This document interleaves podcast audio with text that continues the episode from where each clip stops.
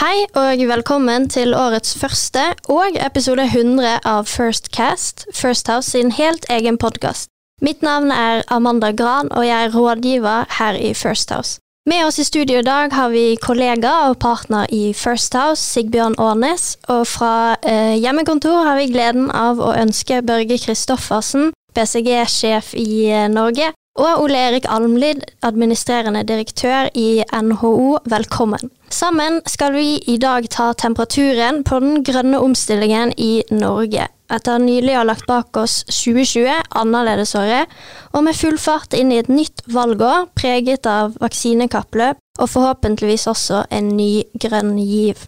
Og For nettopp to uker siden arrangerte NHO sin årskonferanse, denne gang i en helt ny eh, forkledning, digitalt. Årets tema var eh, jobbskaperne. Og Ole Erik, hvorfor eh, falt valget på nettopp dette temaet i år? Vi hadde bestemt oss for å ha det uavhengig av koronaen, men når vi fikk koronaen eh, i fanget, og så hva den betydde bl.a. av høyere arbeidsledighet, altså rekordhøy ledighet, så så vi behov for å sette fokus på hvordan vi kan skape nye jobber. Både på kort og lang sikt. Vi har faktisk da lansert forbindelse med dette denne årskonferansen behovet for å skape 250 000 nye lønnsomme jobber i privat sektor. Og Det tror jeg er viktigere enn noen gang å sette søkelyset på, for å kunne sikre at det er jobb til folk, og at vi kan finansiere velferden vår. Så vi følte vi traff ganske godt. da jeg må si Dessverre traff vi veldig godt med tanke på den krisen vi står i. Så sånn er det. Ja, og du eh, Børge var jo også en av talerne på eh, årskonferansen og presenterte da en eh, rangering av eh, lands konkurransekraft i eh, energiomstillingen. Kan du fortelle eh, hva som ble lagt vekt på i denne analysen, og hva den viser? Ja, Dette med vekst i det grønne skiftet det er viktig for Norge, men det er også viktig i mange andre land. Så Det vi gjorde, var rett og slett å rangere Norge i en konkurranse i Europa eh, i forhold til vår evne til å være vertsnasjon for nettopp jobbvekst, som Ole Erik sa, i det grønne skiftet. Og kort fortalt så viser den at vi har et godt utgangspunkt, og vi gjør mye bra. Vi har spesifikt fortrinn rundt den kompetansen vi har, den naturressursen og de naturressursene vi har. Eh, det som er litt bekymringsfullt, og som, som analysen viser, er jo at andre land har mer, et enda bedre moment og et høyere tempo i forhold til å være, være vertsnasjon og skape vekst, og at de er enda flinkere til å sette sammen helheten på tvers av disse tingene. Ja, som du var inne på, så er det noen land som er litt foran her. og Norge skårer jo på denne sure fjerdeplassen, bl.a. bak våre gode naboer Danmark og Sverige. Hvordan opplever dere temperaturen eh, både i næringsliv og, og politisk, og hva overrasket dere mest med rangeringen? Sigbjørn? Ja, nei, eh, og Jeg fulgte jo også med årets uh, årskonferanse og, og fatta veldig interesse for innlegget til Børge og den rapporten som BCG og NHO har utført sammen. Og, og, som kan si eks-politiker eh, som nå jobber med næringslivet, så må jeg si at, at det som har skjedd bare de siste årene i norsk næringsliv, og kan du si faktisk også det siste året er ganske enormt. Vi ser at tempoet i omstillinga i næringslivet og kapitalen er enorm. Sånn at nå opplever jeg jo egentlig at det er politikken som kommer etter eh, næringslivet, og ikke motsatt. Og Det gjør at denne rapporten både er viktig, og det er viktig at vi får en debatt og diskusjon rundt dette, ikke bare i næringslivet og NHO, men også i norsk politikk. For det, for det er et varsko. Nå er næringslivet klart, nå er det politikken som må levere. Jeg er helt enig med det Sigbjørn sier. og Jeg bruker ofte å si at 2020 blir nok huska som det store pandemiåret, men det bør også bli huska som det året hvor den grønne, det grønnere næringsliv skjøt fart. Da. Og jeg tror vi skyter noe sånn enormt fart inn i 2021 og 2022. Fordi at det er mange som ser at klimautfordringen ja det skal vi løse i fellesskap, men det er veldig mye næringsliv og mange jobber å, å skape rundt akkurat det klimaskiftet. og Det så vi veldig i 2020. 20, eh, og nå kommer til å skje i 2021. Og jeg synes jo Rapporten fra Børge og BCG er jo ganske interessant. da, for Den viser jo ja, vi kommer på den sure fjerdeplassen, som du sier, Amanda. Men det er nå greit å være litt eller være på aspirasjonsnivå for å komme inn på pallen. da. Og det vi ser da, er at Noen av våre konkurrerende land, da, Danmark og Sverige, slår oss på det vi burde vært best på. Og jeg synes også Sigbjørn beskriver godt, at av og til så opplever jeg at politikerne ligger litt bak næringslivet. og Hvis du ser på hvordan man nå ser at man kan ta steg innenfor batteri, hydrogen, havvind, de store grønne elektriske verdikjedene, så er det veldig viktig å legge til rette for. Og da må man jo også ikke la seg se at våre naboland skårer bedre bl.a. på politiske rammevilkår. Det er vi ikke tjent med. Der har vi et godt samarbeid på, på tvers mellom næringslivet og politikere foran oss, tror jeg. da, og Det håper jeg blir et valgkamptema, for da får vi jobbskaping og verdiskaping i praksis. Så Den rapporten var en veldig god rapport og en veldig artig også ålreit å høre hva Børge sier om det. Men det har jo vært veldig mye respons etterpå Børge, på den rapporten. altså Jeg tror den kan bidra til å sette fart akkurat på den diskusjonen. Ja, hvis jeg kan bygge videre på, på dette, både Sigbjørn og Ulrik. Det har vært overraskende for meg det siste året ute i næringslivet hvor voldsom kraft i næringslivet for å virkelig både investere penger, investere kompetanse og ledelseskapasitet i virkelig å utforske og gå disse lommene og de mulighetene som, som åpner seg opp der ute i, i, i de ulike sektorene. Når vi gjør, så gjør den analysen inn i julen og, og får, får, får, presentert uh, årskonferansen, så jeg må si jeg var overrasket over at lederskapet som nasjon ikke enda sterkere relativt til hva vi ser i andre land. Og Da peker jeg på noen bestemt, men jeg tenker at her er det jo nettopp denne linken mellom politikk og butikk, mellom næringslivet og de ulike aktørene som må på plass. Og, og her, eh, både når jeg har presentert den, men også i etterkant, så er det mange som har kommet til meg og sier at vi traff en nerve der, og at dette faktisk kan vi bruke de ulike stemmene våre til å få til i enda sterkere grad for Norge. Ja, vi ser jo at flere selskaper som dere har vært inne på nå, eh, ønsker å levere på disse ambisjonene. Og i fjor så la jo dere i NHO eh, også fram et grønt eh, veikart, hvor det ble tatt til orde for flere tyngre satsinger innenfor nye industrier, bl.a.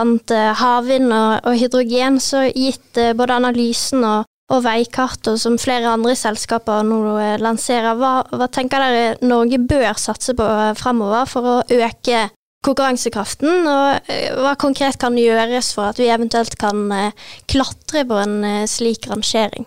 Vi uh, har to, to uh, valører for meg i det spørsmålet. Det ene er hva skal vi satse på, og hvordan skal vi satse for å komme opp på ballen. Uh, på hva så har vi hydrogen, vi har havvind, vi har karbonfangst, karbonlagring, som er oppe i klimaplanen som eksempler. Jeg tror det er riktige tema for Norge å satse på. Uh, når det gjelder hvordan, så tror jeg ikke vi har svaret ennå. Da har jeg lyst til å se på toppen av pallen på Danmark, og, og hvordan de har, har, jobbet spesielt de siste årene. Uh, for, og det er tre ting. For det første så har de satt en veldig uh, tydelig klimamålsetning. det har Norge også gjort, men de har satt en veldig forpliktende inn i Grunnloven. Nummer to, de har også oversatt det til reelle partnerskap mellom eh, regjering, myndigheter og næringsliv og akademia. Og Det betyr at der er det gjensidige forpliktelser til ja, vi som sektor, enten det er innenfor hydrogen eller prosessindustri, vi skal bidra til denne delen av klimamålsettingen. og da trenger vi disse rammebetingelsene for å nå det. Og så er dette omsatt i forpliktende planer også som man følger opp, der det er gjensidige avhengigheter og forpliktelser mellom næringsliv og politikk. Og der må vi fokusere mer. og Der tror vi eh, med all respekt har, har, et, har et gap opp til de som er på ballen, og spesielt Danmark i dette eksempelet. Ja, vi, vi, gjorde beregninger eh, i fjor på det vi kaller grønne elektriske verdikjeder. Hvor vi da ikke egentlig eh, både på hydrogen, havvind, CCS, eh, kraftsystemer, eh, ja, alt, alt, det vi har vært inne på nå. Og så på hva er det vi kan skape av ny omsetning innenfor bran disse bransjene i 2030 og 2050. Og vi beregna jo potensialet i 2030 til å være mellom 300 og 350 milliarder kroner i ny verdiskaping i Norge. Så det, dette er enormt potensial. Vi snakker titusenvis av arbeidsplasser. Og Det som kjennetegner alle disse verdikjedene, det er at det er næringsliv i Norge klart å gå inn i det nå. Dette er jo ikke planer på en whiteboard, dette er noe bedriftene vil gjøre nå. Og Vi ser også bedrifter i andre land gjøre det også. Og Hvis du ser på hvordan EU jobber mission-drevet og ser på hvordan de skal klare å skape helhetlig store planer for å kunne i sine bedrifter et fortrinn på veien dit, så har vi litt å lære på det. Og Da mener jeg at dette er snakk om å helhetlige planer, og da kan man jo bli helt lam når man hører disse uttrykkene. Men det faktisk er at å gå i forpliktende partnerskap, som Børge viser til at Danmark har gjort, det tror jeg har stor betydning. Og Jeg opplever at vi har en regjering i dag som ønsker å snakke med oss på det. Og havvind f.eks. Hvordan skal man legge til rette gjennom noe støtte for å kunne sikre at bedriftene kommer seg opp? Og Da snakker vi ikke bare om å bygge havvindmøller, men vi snakker om hele verdikjeden. Samme gjelder batteri. For at hvor det er en verdikjede i batteri som ja, du skal lage batteriene, men du skal frakte de, du skal ha retur på dem osv. Så, videre, og så, videre. så det er veldig mange verdikjeder som er klar her til å ta fatt i det. Men det å gå i forpliktende partnerskap med næringslivet akkurat nå, er veldig riktig timing. Det er veldig mange som har gjort endringer gjennom 2020 og 2021. Og nå i 2021 som kommer til å realisere det. Bare se på hva Equinor gjør, se på Aker, se på de store selskapene. Se på Hydro. Eh, og se på hva vi gjør på CCS, karbonfangst og -lagring. Veldig sto mange store aktører som tar utgangspunkt i naturgitte fortrinnet Norge har, og ønsker å kjøre på. Men vi må være oppmerksom på at andre land har planer som ligger litt foran oss på dette. Og Her er det faktisk om å gjøre å få det på plass i løpet av forholdsvis kort tid. Så her, dette bør være valgkampsak nummer én og veldig mange. for ellers så taper vi den konkurransen. Og det er akkurat det du sier, Ole Erik. fordi at eh, Jeg jobba jo i politikken i valgkampen 2013 og 2017, og spesielt 2017 snakka man mye om omstilling av norsk næringsliv. Det vi står foran i valgkampen 2021, er en omstilling som er, er, langt større enn det vi har diskutert i norsk politikk tidligere.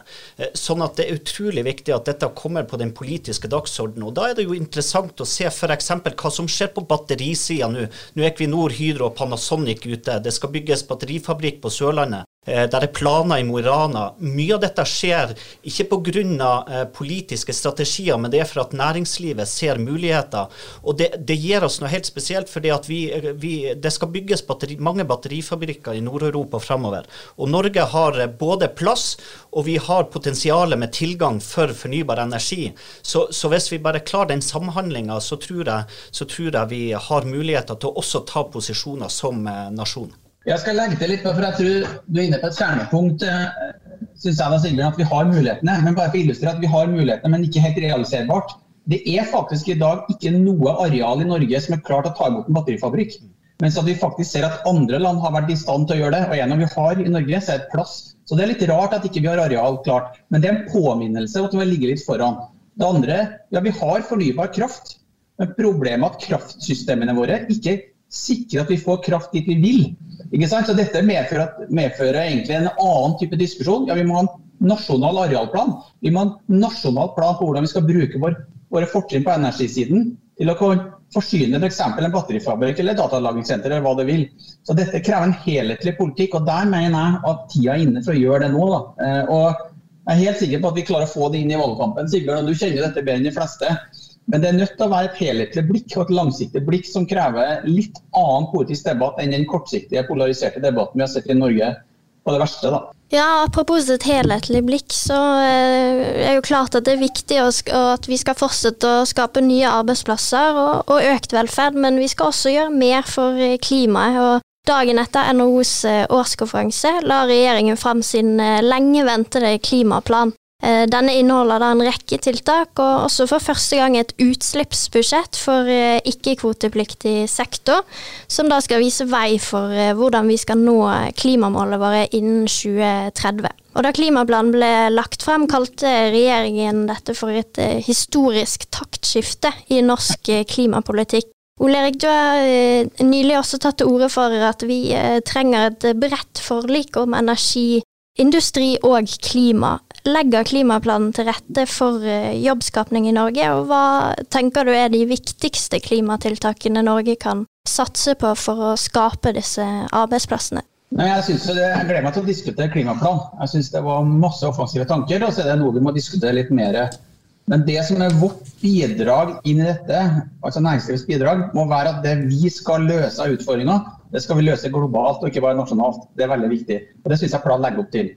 Så Det Norge kan være god på, vi har snakka om flere ting, batteri, havvind, hydrogen, CCS osv.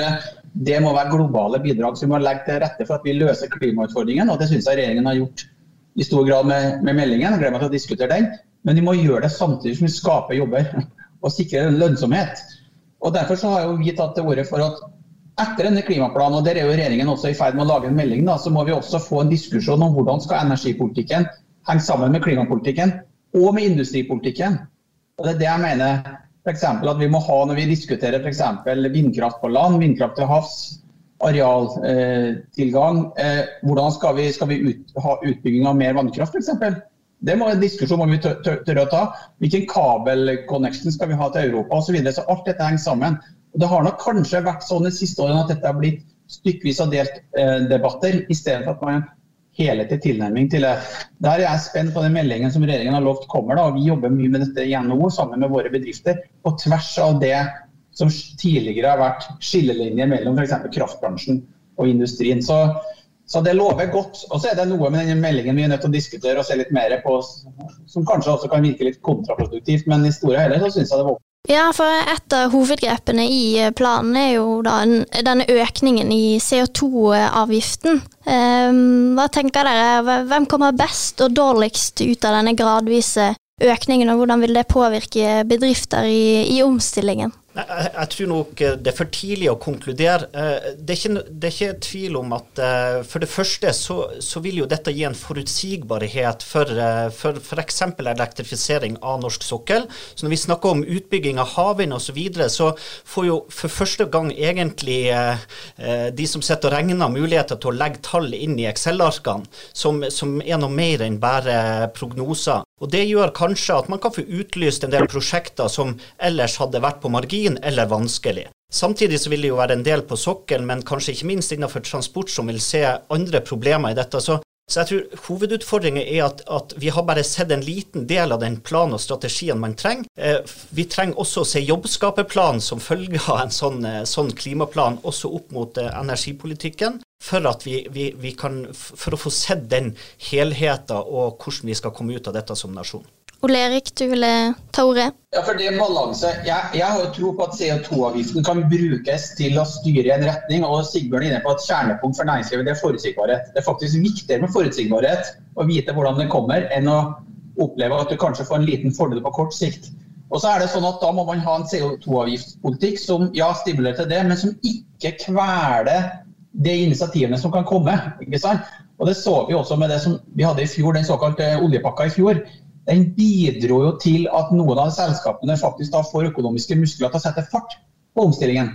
Og Da må vi passe på at den CO2-avgiften ikke kveler initiativene, men at CO2-avgiften kan være et styringsverktøy, et langsiktig forutsigbart styringsverktøy, det syns jeg er helt legitimt å si.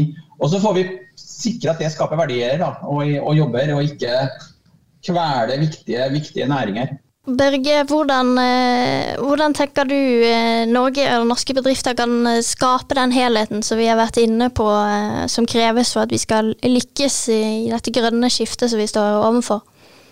Kanskje jeg skal få lov å bruke min bakgrunn fra Rogaland og Lykkeland og hvordan de har gjort det. Vi har masse lære av andre land, men Norge har skapt vekst og verdiskapning også for oss som nasjon før. og hvis vi går 40-50 år tilbake, så var det ikke gitt at vi skulle klare både å, å drive den verdiskapningen og den veksten vi gjorde gjennom oljen. Eh, og Det vi gjorde da, var jo nettopp et samspill mellom stat, mellom næringsliv, også lokalmiljø og akademia. Eh, vi hadde et næringsliv som var progressiv og tok muligheten, enten det var å bygge om fiskebåter til offshorefartøy eh, og dykkerskuter. Vi hadde også en stat som satte rammebetingelser, men også skapte Statoil ansvar for denne verdiskapning og, og bygde et, et, en aktør.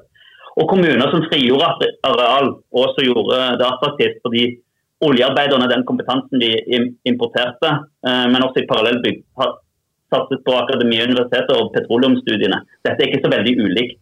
Vi har også masse selvtillit fra, fra fornybarsektoren og fornybarandelen vi har. Så, så dette dreier seg om om å gjøre den helheten, men selvfølgelig gjøre det gjennom å virkelig forstå hva som krever å skape disse verdikjedene til hydrogen eller batteri denne gangen. Men veldig mange fellestrekk. Som du var inne på, så eh, er det ingen tvil om at det vil kreve godt samarbeid mellom både næringsliv og, eh, og myndigheter for å få dette til. Og Sigbjørn, du har jo selv lang fartstid fra politikken. Nå er klimameldingen i behandling i Stortinget. Hva kan vi forvente her? Og klimaplanen er jo heller ikke det eneste vi forventer fra myndighetenes side denne grønne våren, om vi kan kalle det det. Nei, fordi det, det, kan jo på mange sett og vis bli tidenes grønneste politiske vår. Fordi at det kommer mye politikk eh, i løpet av våren som skal behandles og diskuteres i Stortinget, som, som handler om grønn omstilling. Eh, vi har vært innom det. Olje- og energidepartementet jobber med i stortingsmelding hvor man for første gangen ser energi sektoren samla også opp mot eh, industriaktivitet, og den tror jeg blir veldig viktig. Når det gjelder klimameldinga, så er kan du si, min største frykt at den i Stortinget debatteres på bakgrunn av fortida og ikke på bakgrunn av framtida. Og det er fordi at politikkens dynamikk er ofte litt senere enn den er i næringslivet, når næringslivet først snur seg rundt. Og det at vi blir opptatt av hvor verden var for ett og to år siden. Og det er der jeg sier at det har endra seg så raskt, ikke bare når det gjelder næringslivet i Norge, men også landene eh, rundt oss, at det er utrolig viktig å, å, klare å ha øye for hvor vi skal være om noen år framover når vi diskuterer denne klimaplanen. Og så blir det selvfølgelig også politiske symbol inn i denne klimaplanen som blir debattert. Men det viktigste er at vi får en større enighet rundt de store linjene i dette framover, sånn at vi reduserer og eliminerer politisk risiko og skaper mest mulig forutsigbarhet og langsiktighet for næringslivet. Ja, Som vi var inne på tidligere i episoden, så er jo 2021 eh, valgår. Ole Erik og, og Børge, hva, hva, tror dere de ulike regjeringsalternativene vil ha å si for den videre satsingen i omstillingen vi nå står midt i? Jeg kan jo begynne, og Det er ikke så ofte du hører BCG-ere uttale seg om eh, politikk. Uh, og BCG har jo også en veldig grønn, grønn, logo. Hva vil de ulike alternativene ha å si? Det som er sikkert, er at eh, grønn vekst er både god grønn politikk, men også god blå politikk og god rød politikk. I forhold til både å skape verdier, skape arbeidsplasser, men også fundamentalt bidra i, i, i å drive på en måte klima i rett retning. Så Sånn sett så tror, tror, og håper jeg i alle fall at man kan finne tverrpolitisk sammen her. Og de fraksjonene eller de partiene som ikke har dette inn i sitt partiprogram eller sin valgkamp, de tror jeg er en utfordring i forhold til både å engasjere folk, men også få tillit uh, ute blant næringslivet uh, fremover, og troverdighet. Ja, nå er jeg litt usikker på hvilke regjeringsalternativer vi har, da. så, kan man jo stille spørsmål, men jeg skjønner jo, jeg skjønner jo spørsmålet likevel. og det da vil jeg ta oss tilbake til det vi begynte med Amanda, når vi snakka om denne årskonferansen vår som het Jobbskaperne. Så det jeg håper at Uansett hvilket regjeringsalternativ eh, som da vinner fram og skriver regjeringserklæring sannsynligvis i oktober, så vil jobbskaping og klimaambisjoner være to sider av samme sak. Fordi at Uansett hvem det er som kommer i regjering, så bør de ønske å omstille Norge mot et mer, klima, et mer klimavennlig, et mer klimavennlig næringsliv, et klimavennlig samfunnsliv, men man må gjøre det samtidig som man skaper eh, omstilling og skaper jobber. Og Det eneste måten å gjøre det på, etter min mening, det er å sikre et godt samarbeid med næringslivet og de aktørene som kan ta førerrollen i det. da. Og da har vi vært inne på veldig mange tema der eh, i dag, som type batteri osv., som er veldig viktig. Og Da tror jeg at politikere må gå ifra å være best på ambisjoner til å være best på samarbeid med næringslivet og lykkes i et 2030-2050-perspektiv og ikke bare tenke hvem vinner valgkampen med de største ambisjonene. Ambisjoner er bra, veldig viktig. Det ser vi Danmark har hatt, og er kanskje også noe vi skal lære Danmark. Men det må også være forpliktende samarbeid for å skape de løsningene, slik at vi får skapt disse jobbene vi snakker om. Det, så det kommer vi da til å utfordre alle regjeringsalternativer, uansett hvor mange de måtte være. Ja, da tror jeg vi straks må runde av for eh, i dag. Men helt til slutt tenkte jeg vi kunne ta eh, runden på uh, hvilke tips dere ville gi til norske bedrifter fremover. Kanskje jeg kan få starte for det. Jeg syns jo årskonferansen var en veldig god start. Og så har vi vært innom at næringslivet går det veldig fort akkurat nå. Men jeg tror også det er viktig at selskap, ikke bare NHO som organisasjon, men også selskap som er medlem av NHO, tar denne ballen fra NHO og BCG videre og engasjere seg, ikke bare hvordan man utøver forretningsdriften, men også engasjere seg videre i sin eh, samfunnsdialog, i sin kontakt med politikere, ikke bare i Oslo, men også lokalt der man bor og der man opererer, for å presse på til at nettopp politikere, uavhengig av farge og parti, tar denne ballen videre, sånn at vi oppnår det man ønsker, nemlig en god samhandling mellom politikk og butikk. Og eh, ikke minst at vi da klarer å, å, ta posisjoner internasjonalt og på den måten skape jobber fremover. Ja, det skjer så mye bra i norsk næringsliv eh, i det grønne skiftet. Det er så mange som har, har, så bra trøkk der. Og videre så er det klart det er mange som vil bygge grønn vekst. og For det første så må de bedriftene virkelig skjønne hva som skjer rundt seg, og legge inn strategi og putte pengene på den forretningsmodellen. og også, for å være helt ærlig, i det, i det landet eller de lokalmiljøene som gir de beste forutsetningene for å vinne. Så det er å virkelig tenke seg om, eh, samtidig som man gir gass. Det er viktig, for her, her, er det mange om beinet. Og så er det viktig eh, å bygge videre på det Sigbjørn sier. Eh, vi har jo også et ansvar, og mange sitter med mye av de andre brikkene i puslespillet sitt i Norge. for Det er der mange norske bedrifter er etablert, og da må de jobbe på de rammebetingelsene som skal til i parallell. Både Sigbjørn og Børge har gode tips som jeg kan slutte meg helt til. Hvis jeg skal legge til en ting, eller kanskje forsterke det, så vil jeg si sånn som at når vi ser på våre bedrifter, da, så er det spesielt de store bedriftene, og spesielt innenfor industri og energi, som har sett det største potensialet innenfor det grønne skiftet. Mens kanskje noen av eh, bedriftene, spesielt de små og mellomstore bedriftene i andre bransjer, ikke har sett det samme. Så jeg tenker at du må forstå nå, som bedriftsleder og bedriftseier, at det er business i klima. Og hvis du ikke ser det, og, du, og, og klarer hvordan du ønsker å ta den delen av din business inn i det grønne skiftet, så tror jeg dessverre at du kommer til å tape. Så nå gjelder det å henge med og se muligheter og skape jobber og, og lønnsomhet basert på å være til stede i de verdikjedene som skal løse klimautfordringen framfor oss. Det kommer til å være mye mye penger å tjene på. Så Det tror jeg mange har sett nå gjennom 2020, og enda i større grad framfor oss. Så Grip de er store. Ja, Det er ingen tvil om at vi har mye viktig arbeid foran oss eh, i året og tidene som kommer. Ole Erik og Børge, tusen takk for at dere tok dere tid til å være med oss i dag, og eh, til dere som lytter til oss.